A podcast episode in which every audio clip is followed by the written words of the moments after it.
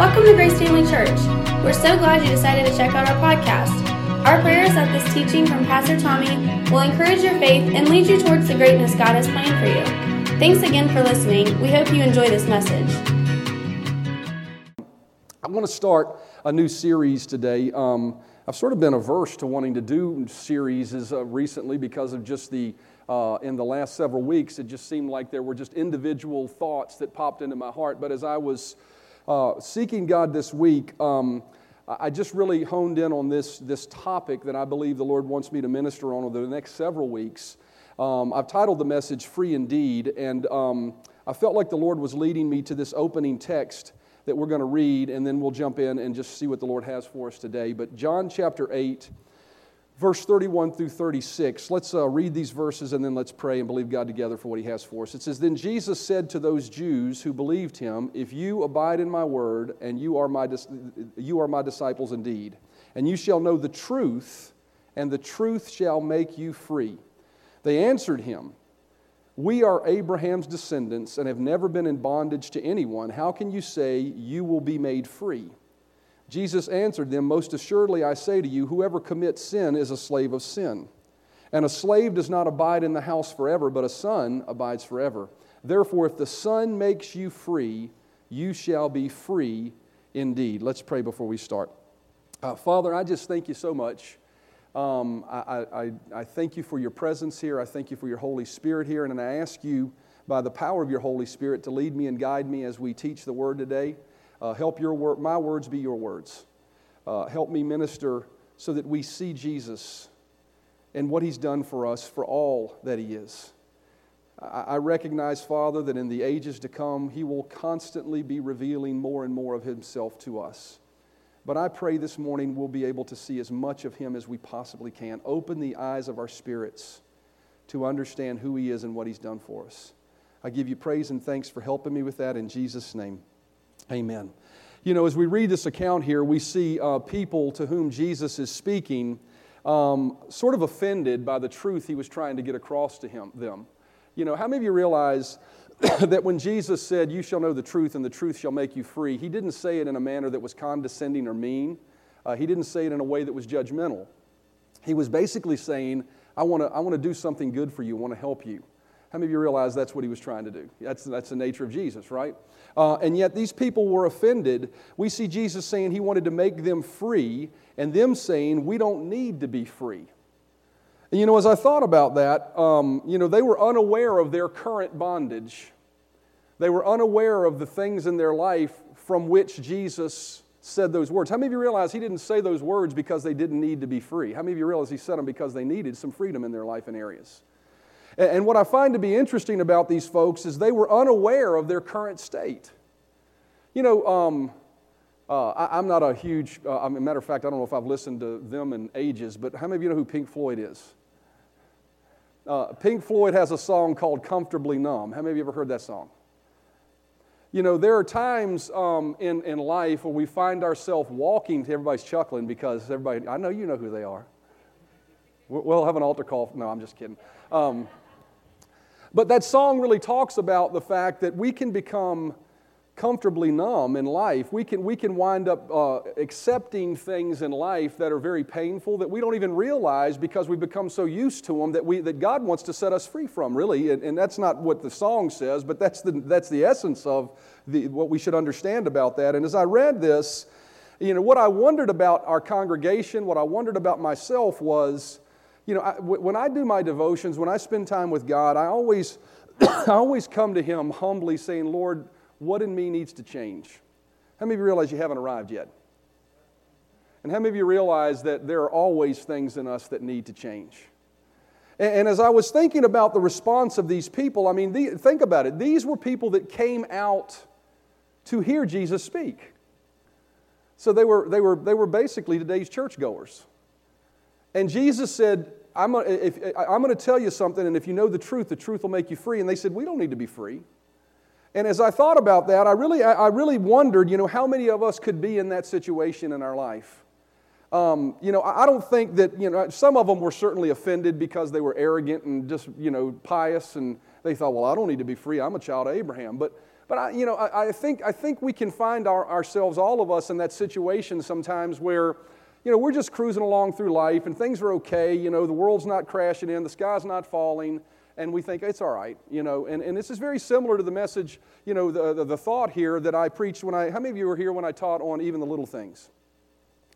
You know, we, we tend to accept things in our lives as this is just the way it is, and I guess that I'll have to live with it. But Jesus was telling his disciples that I want you to be free. And, and, uh, and, and I, the question I really asked myself was Are we settled in who we are and unwilling to see any need for change in our life? Uh, is our heart pliable to the idea and the mindset that says, Change me, Lord, so I can walk in more of you and more of what you have for me? You know, I think sometimes we're afraid for Him to change us because we think if He changes us, we're not going to get what we want.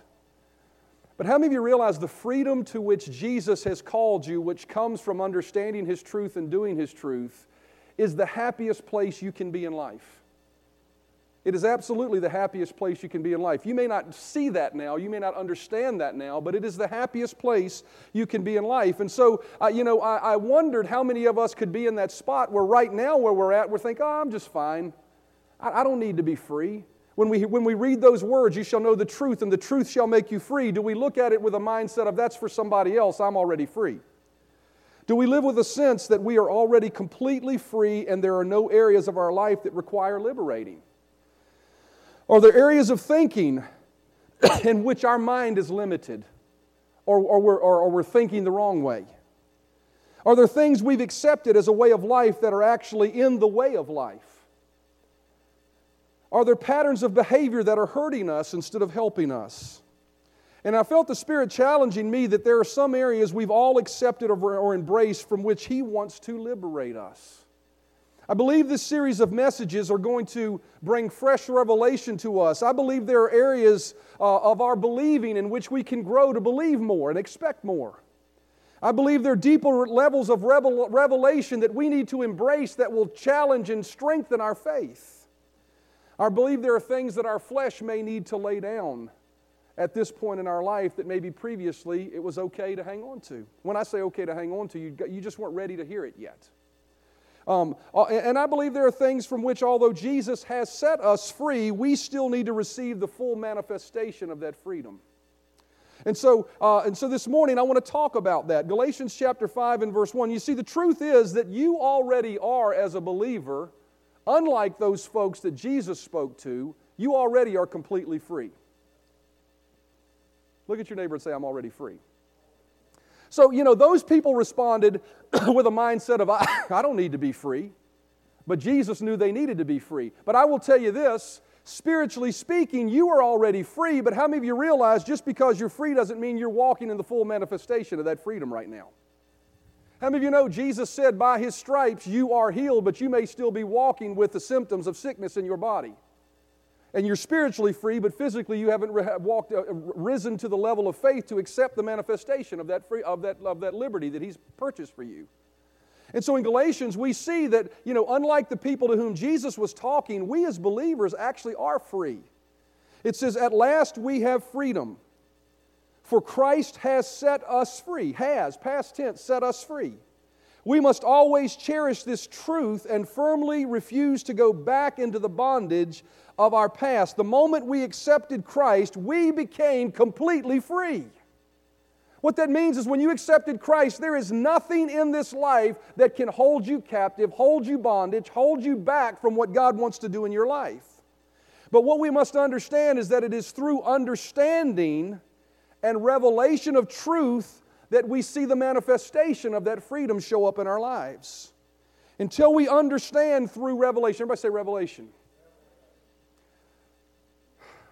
You know, I always try to be very practical and not get over spiritual, right? But how many of you realize God is a spirit? and it's nothing wrong with being over spiritual, and over spiritual is in line with the word. I want to be hyper spiritual in that regard. Amen? And, and, and it's important for us to recognize that for us to walk in what God has for us, to walk in the freedom that we, He has for us, we must liberate ourselves from things to become more spiritually minded. We must receive revelation. I mean, true, heartfelt, not head knowledge. How many of you realize you can stand here all day long and you hear me teach? And you walk out of here and say, Oh, I understand that now. But there comes a moment in time, you may or may not have experienced this, when all of a sudden that truth that you've heard in your head explodes in your heart to say, I get it now. I see something I didn't see before spiritually. And that revelation has to take place for us to be able to walk in the freedom that God wants us to walk in. See, although we have been set free, we have to gain revelation of that, uh, that tr- of truths in God's Word to be set free from that. And sometimes we may have heard those truths, but it requires us being reminded of them. Everybody say reminded. Not ready to share that yet, but I will in just a second. 2 Peter chapter 1 and verse 12 says, For this reason, Paul Peter said this, I will not be negligent to remind you always of these things, though you know and are established in the present truth. So I think it's interesting. He said, You know when you're establishing the truth, but I'm going to remind you of it. Now, it's interesting as I think about those words. He goes on to say, Yes, I think it right as long as I am in this tent, in this body is what he means, to stir you up by reminding you. He said there were some things that the, that the believers he wrote to, Peter said, there are some things that you need reminding of. Now, what that tells me is this that tells me that there are going to be moments in our life where we have understand and maybe even gain revelation of a truth, but we need reminding of that truth for it to come alive in us again. Right? And I think it's important for us to recognize that. And I would say this that, you know, uh, I'm going to talk, uh, this whole series is going to be about a specific truth and I would tell you that when you hear what I'm going to be talking about, if your mind says, oh, I already know that, I want something new and fresh, then you absolutely need to be reminded of again because you've lost the value of it. It's not alive in you. Fresh revelation and renewed revelation is needed in our life. And so, over the next several weeks, I want to share some foundational truths about our freedom. Jesus said, You shall know the truth, and the truth shall make you free. Everybody say free. How many of you really want to be free? Amen. I'm praying that by sharing these fundamental truths that they, they will come alive in you again to the end that you don't walk in bondage to something that Jesus has already set you free from. That you don't accept, well, I guess this is just the way it is. And specifically, what I want to talk to you about in this series is about our redemption. Everybody say redemption. You know, redemption is absolutely a religious, spiritual word. And when we hear redemption, I, you know, sometimes I think we can look at it as, oh, redemption, you know, this is going to be heavy. But what I want to talk to you about is the fact that uh, of what that word means and, and what that word has uh, given to us through what Jesus has done for us. Psalm 107 says, Let the redeemed of the Lord say so, whom he has redeemed from the hand of the enemy. The Bible tells us that the Lord has redeemed us from the hand of the enemy. Look at your neighbor and say, I'm redeemed. Now, the question is, what does it mean to be redeemed?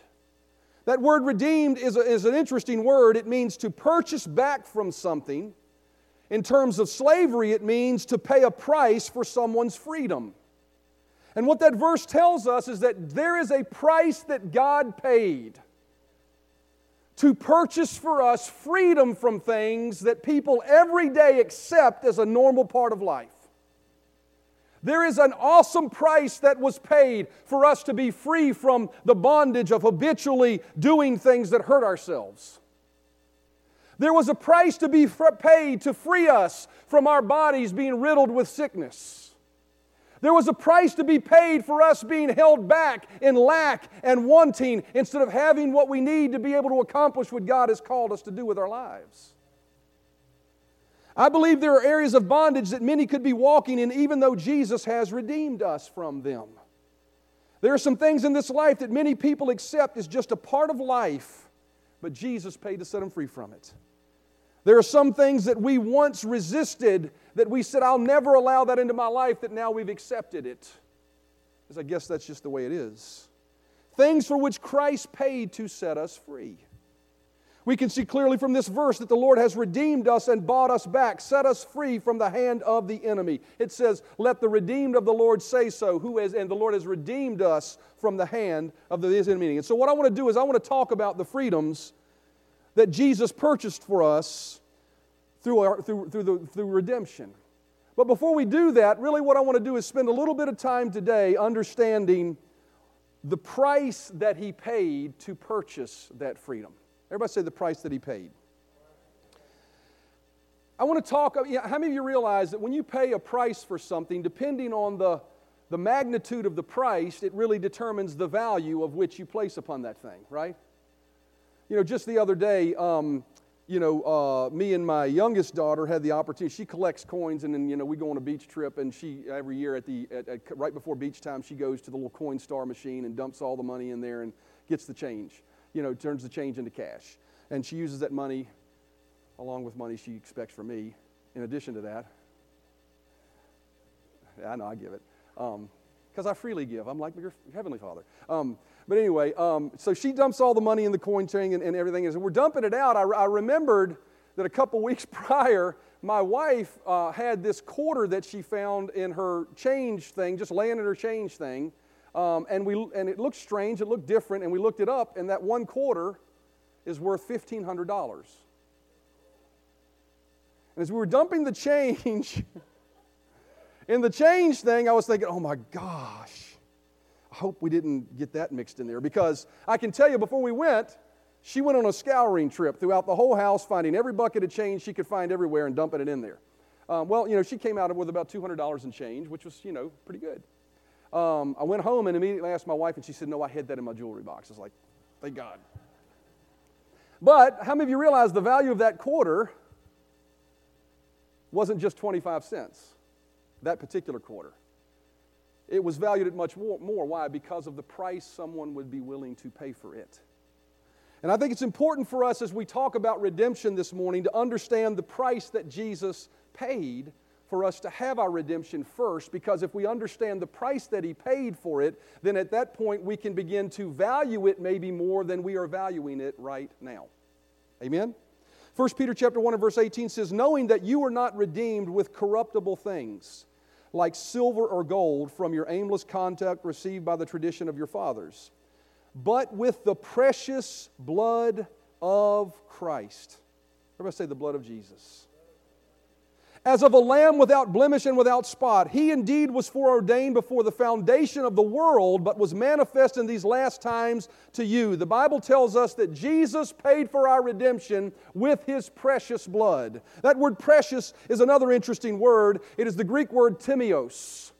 And what it means is this it means to be valued, it means of great price, it means to be honored. When I think about that phrase precious, our redemption was something that was very valuable. The, the price that was paid for it was paid by something that was precious, that was honored, that was of a great price. And so as we talk about a redemption, we should not slough it off, as all I've heard about this before. Ah, it's not a big deal. This redemption that we're going to be talking about was paid for by something that is very valuable. The level to which, I put this in, in, in, in, capital letters, so it must be important. The level to which you esteem this truth of redemption will be the level to which you walk in it. If you think about redemption, if you think about I've been redeemed, and it's like an afterthought for you. It's not something that's alive on the inside of you, that's bursting with, with revelation and, and gratefulness for it. You cannot walk to the levels to which He has paid for you to be free. See, our redemption cost God something very valuable. As a matter of fact, it was the most valuable commodity in all of creation. Why is the blood of Jesus termed as precious? Why is it deemed as valuable? I want to talk to you real quickly, in the amount of time I have left, about three reasons why the blood of Jesus is so valuable. Everybody say the blood of Jesus again. First of all, it was valuable because it was unique. Things are valuable because they're unique, and the blood of Jesus was certainly unique. We're going to talk about that. It was valuable as well because it is priceless. And then it's valuable because it's powerful. First, let's talk about the, the unique quality of the blood of Jesus. Acts chapter 4 and verse 12 says, Nor is there salvation in any other, for there is no other name under heaven given among by which we must be saved. There is only one way for a person to be saved. You cannot be saved by uh, doing good things. You cannot be saved by just being a nice person. The only way you can be saved is to receive what Jesus did for you. That tells me that what he did in shedding his blood was the only price that could have been paid for our salvation. God couldn't have used another commodity.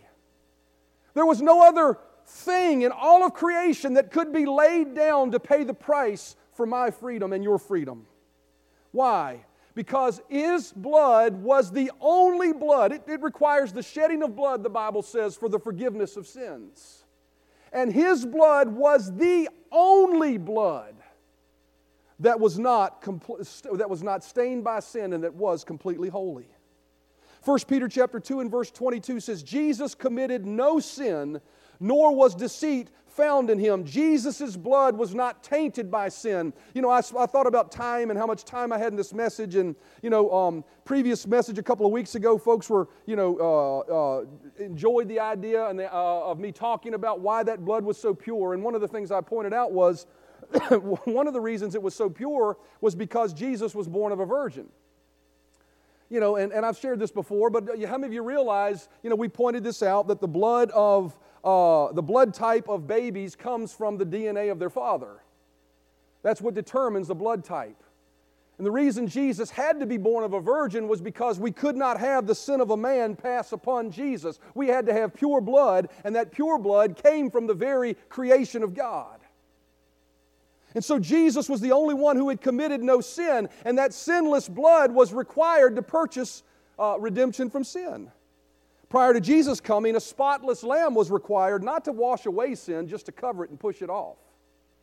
Exodus chapter 12 and verse 5 says, Your lamb, speaking of, you know, at the Passover, uh, every year uh, the, the, the, nation of Israel had to sacrifice lambs or goats, and, and that lamb or goat had to be spotless. It says here, Your lamb shall be without blemish. This blood of a spotless lamb at that moment would push off the sin of the nation of Israel for a year. But how much more precious is the blood of the lamb than the blood of a lamb? See, something more than the blood of an animal was required to purchase our redemption. Why? Because it's not an equivalent sacrifice. How many realize you are not an animal? right? You are a human being.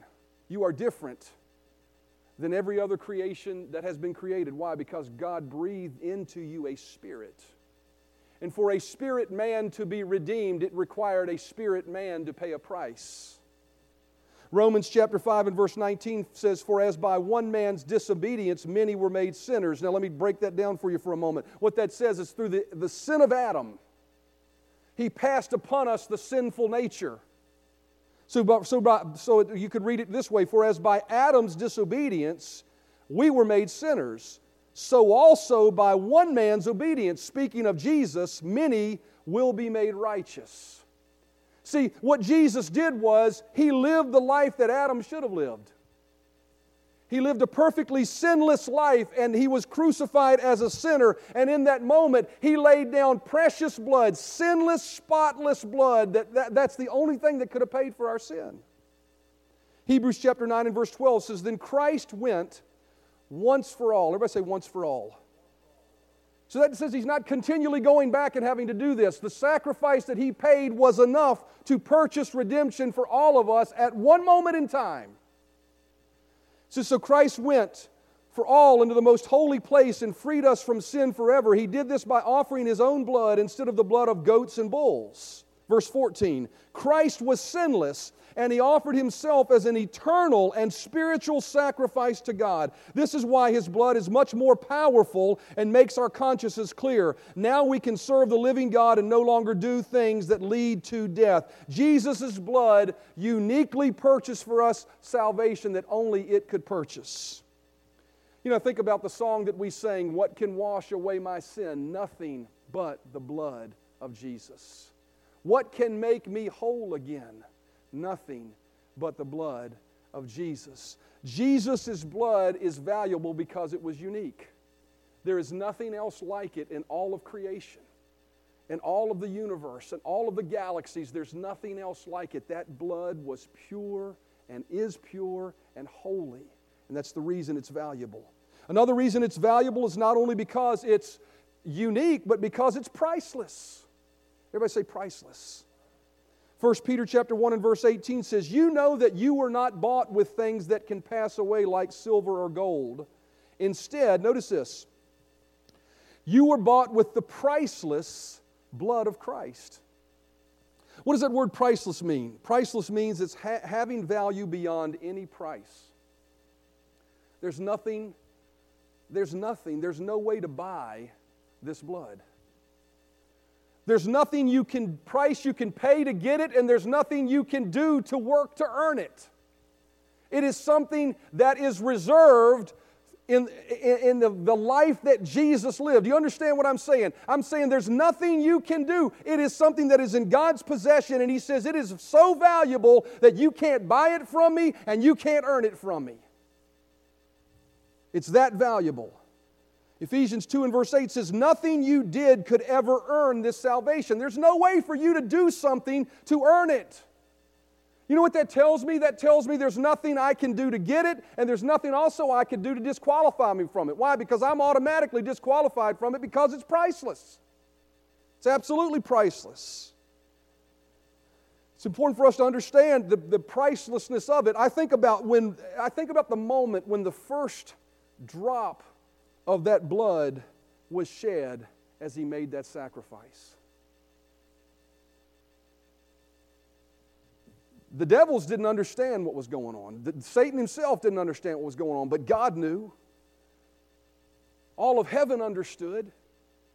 The saints of old that went before Jesus were looking for this day of redemption. And when that first drop of blood was shed, maybe it was the garden when he sweat great drops of blood. Maybe it was when they pressed the crown of thorns on his head. Maybe it was when they beat him. Maybe it was when he hung on the cross. At some point, I, I believe there, were, there, were, there was recognition in heaven that this commodity, this priceless commodity, was being spilled. Spilled. It was priceless. It was so priceless that Jesus, you know, you got something priceless, you handle it delicately. I think about that quarter.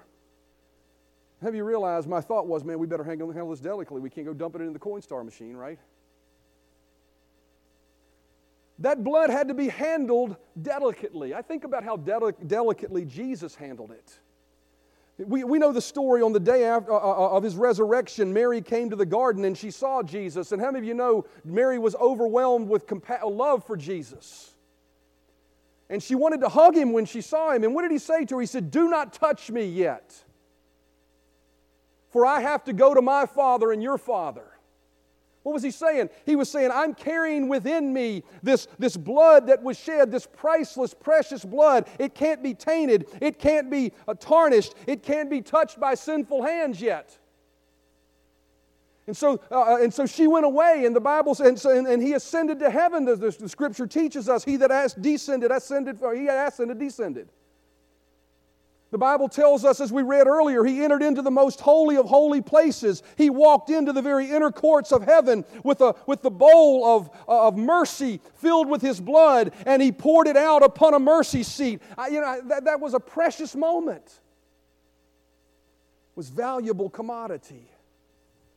The blood is priceless blood because nothing else could have purchased our redemption. And so we know the value of that blood because it is unique and because it is priceless. But we also know the value of it because it is powerful.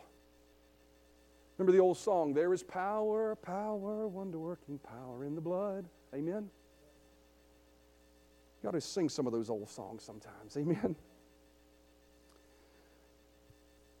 The blood of Jesus has power that I think many people have yet to understand. As we look at the type and shadow, we read about it already where the blood of the lamb, the goats were, were spilled, you know, in the Passover ritual.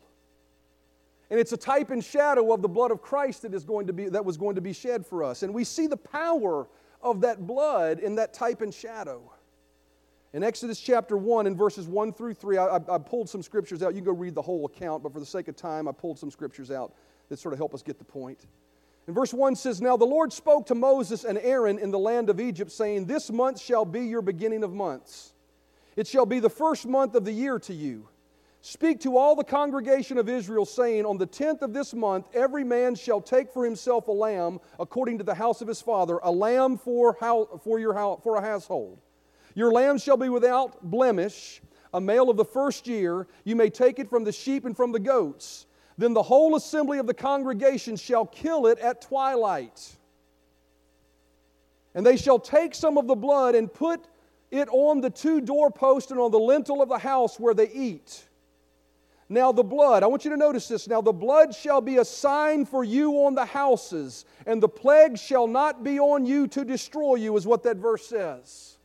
The blood of that lamb had enough power that when it was placed upon the doorpost and the lintel of those, uh, those individuals' homes, when, when the curse came upon Egypt before God delivered them from Egypt, they were saved from destruction. And that's a type and shadow that when we accept Christ into our life, we place that blood as a, as a, as a, as a mark upon our life, no longer stained by sin, but stained by the blood. See, some people say, I'm no longer stained by sin, I'm set free from it. That's true, but you are stained by something. You are stained this morning, if you've accepted Jesus, by the blood of the Lamb. It's been smeared upon the doorpost of your heart and your life. And what that verse tells me is that there is no force in hell that is great enough to cross that blood when we put our faith and trust in it. Christ's blood is much more powerful than a blood of a lamb. And his blood was shed for us, and we see the power of that blood in Revelation chapter 12. Verse 3 and 4 says, And another sign appeared in heaven. Behold, a great fiery red dragon, having seven heads and ten horns and seven diadems on his head, and his tail drew a third of the stars of heaven and threw them to the earth. Speaking of the devil. Verse 7. And war broke out in heaven. Michael and his angels fought with the dragon, and the dragon and his angels fought, but they did not prevail. Verse 10. Then I heard a loud voice saying from heaven, Now salvation and strength and the kingdom of God and the power of his Christ have come. For the accuser of the brethren who accused them before God day and night has been cast down. Notice this. And they overcame him by what? By the blood of the Lamb and by the word of their testimony, and they did not love their lives unto death. Notice that the devil himself has no power to stand against the blood of Jesus when it's smeared upon the doorposts of your heart. The blood has the power to cleanse from sin, protect from harm, and run off the most vicious and demonic forces that would ever array itself against your life. The blood of Jesus is a valuable commodity because it's unique. It's the only thing that could pay for our sin. It's priceless because you can't earn it, you can't pay for it. And it's powerful because it will ward off and bring protection into every area of your life. But despite the unique power and pricelessness, I want you to understand something. Jesus gave it freely. Jesus gave it freely to us. As the musicians come, I want to stress this point. John chapter 3 and verse 16 says, For God so loved the world that he gave his only begotten Son, and wrapped up in giving that Son included, we need to understand that is not just the gift of a Son, but it was the gift of a Son who would be pierced and beaten and shed his priceless, sinless blood for us, even though he didn't deserve it and he didn't have to do it. For God so loved the world that he gave his only begotten Son, that whosoever believes on him shall not perish, but have everlasting life. Jesus' blood was shed because of a willful choice to give it because he loved us. He saw our bondage and chose to give it. It wasn't taken from him, it wasn't robbed from him. He chose to give it. John chapter 10, verse 17 and 18, Jesus said, Therefore my Father loves me because I laid down my life that I may take it again. No one takes it from me, but I lay it down myself. I have power to lay it down and have power to take it again. This commandment I have received from my Father. See, what Jesus was saying was, I'm about to make a choice to give you something that is not required of me to give. I didn't have to give it. I gave it because I loved you. And it's important to note that this giving of his blood did not take place at the time of his birth when he came to earth. It didn't take place at the time he was in the garden where he said, Not my will, but yours. It didn't take place when he hung on the cross. It took place far, far, far, far earlier than that. 1 Peter chapter 1 and verse 18 says, Knowing that you were redeemed with, you were not redeemed with corruptible things but with the precious blood of Christ as a lamb without blemish and without spot. Notice this. He was, he indeed was foreordained before the foundation of the world. Before God ever said, Let there be light. Before he ever said, Let the waters separate from the earth. Before ever he said, Let us make the animals, let us make man. Before any of that ever happened, he was foreordained before the foundation of the world, but was manifest in these last times. In the distant pages of eternity past, Jesus stepped forth with a heart of love and chose in the fullness of time to manifest himself. In the ages of eternity past, God says there's going to need to be a redemption for man. And Jesus said, I will pay the price for them. And I think that's what makes the blood more valuable than any other things I've shared. It makes it most valuable because it flowed from the veins of the greatest source of love that exists in all of creation. There is a fountain filled with blood that flows from Emmanuel's veins. So that when sinners plunge beneath that flood, they lose all their guilty stains. John chapter 3 and verse 1 says, Behold, what manner of love the Father hath bestowed on us that we should be called children of God. Verse 16, By this we know love because He laid down His life for us. That blood is the most powerful that it is, is because it came from a heart of pure, unadulterated, unconditional love. He gave the most valuable commodity in all of creation so that we could just have a relationship with Him and so that we could be redeemed and so that we can be free. And so, for this reason, we should value the term redemption. As we talk about it in the coming weeks, we shouldn't come to church with a mindset of, oh, I've heard this before. We should recognize the price that was paid and how valuable this redemption that God has given me is. And I must value it, I must possess it. I shouldn't look at it as something, oh, I can pull it off, I don't need it. No, we must dig into it and understand it. 1 Peter chapter 1 and verse 18, we'll close with this. Knowing that you were not redeemed with corruptible things, like silver or gold from your aimless conduct received by the tradition of your fathers, but with the precious blood of Christ, as a lamb without blemish and without spot I, this morning, believe God just wants us to open up our hearts. I believe the Spirit is challenging us this morning to just close our eyes and open our hearts to the magnitude of the price that He paid for us. That we would weigh the petty things that we hold on to in our life in light of what He paid for us. that we would not take for granted the precious blood of Christ that was shed for our redemption, but we would value it. Every head bowed and every eye closed, no one looking around. Lord Jesus, I've done my best to share.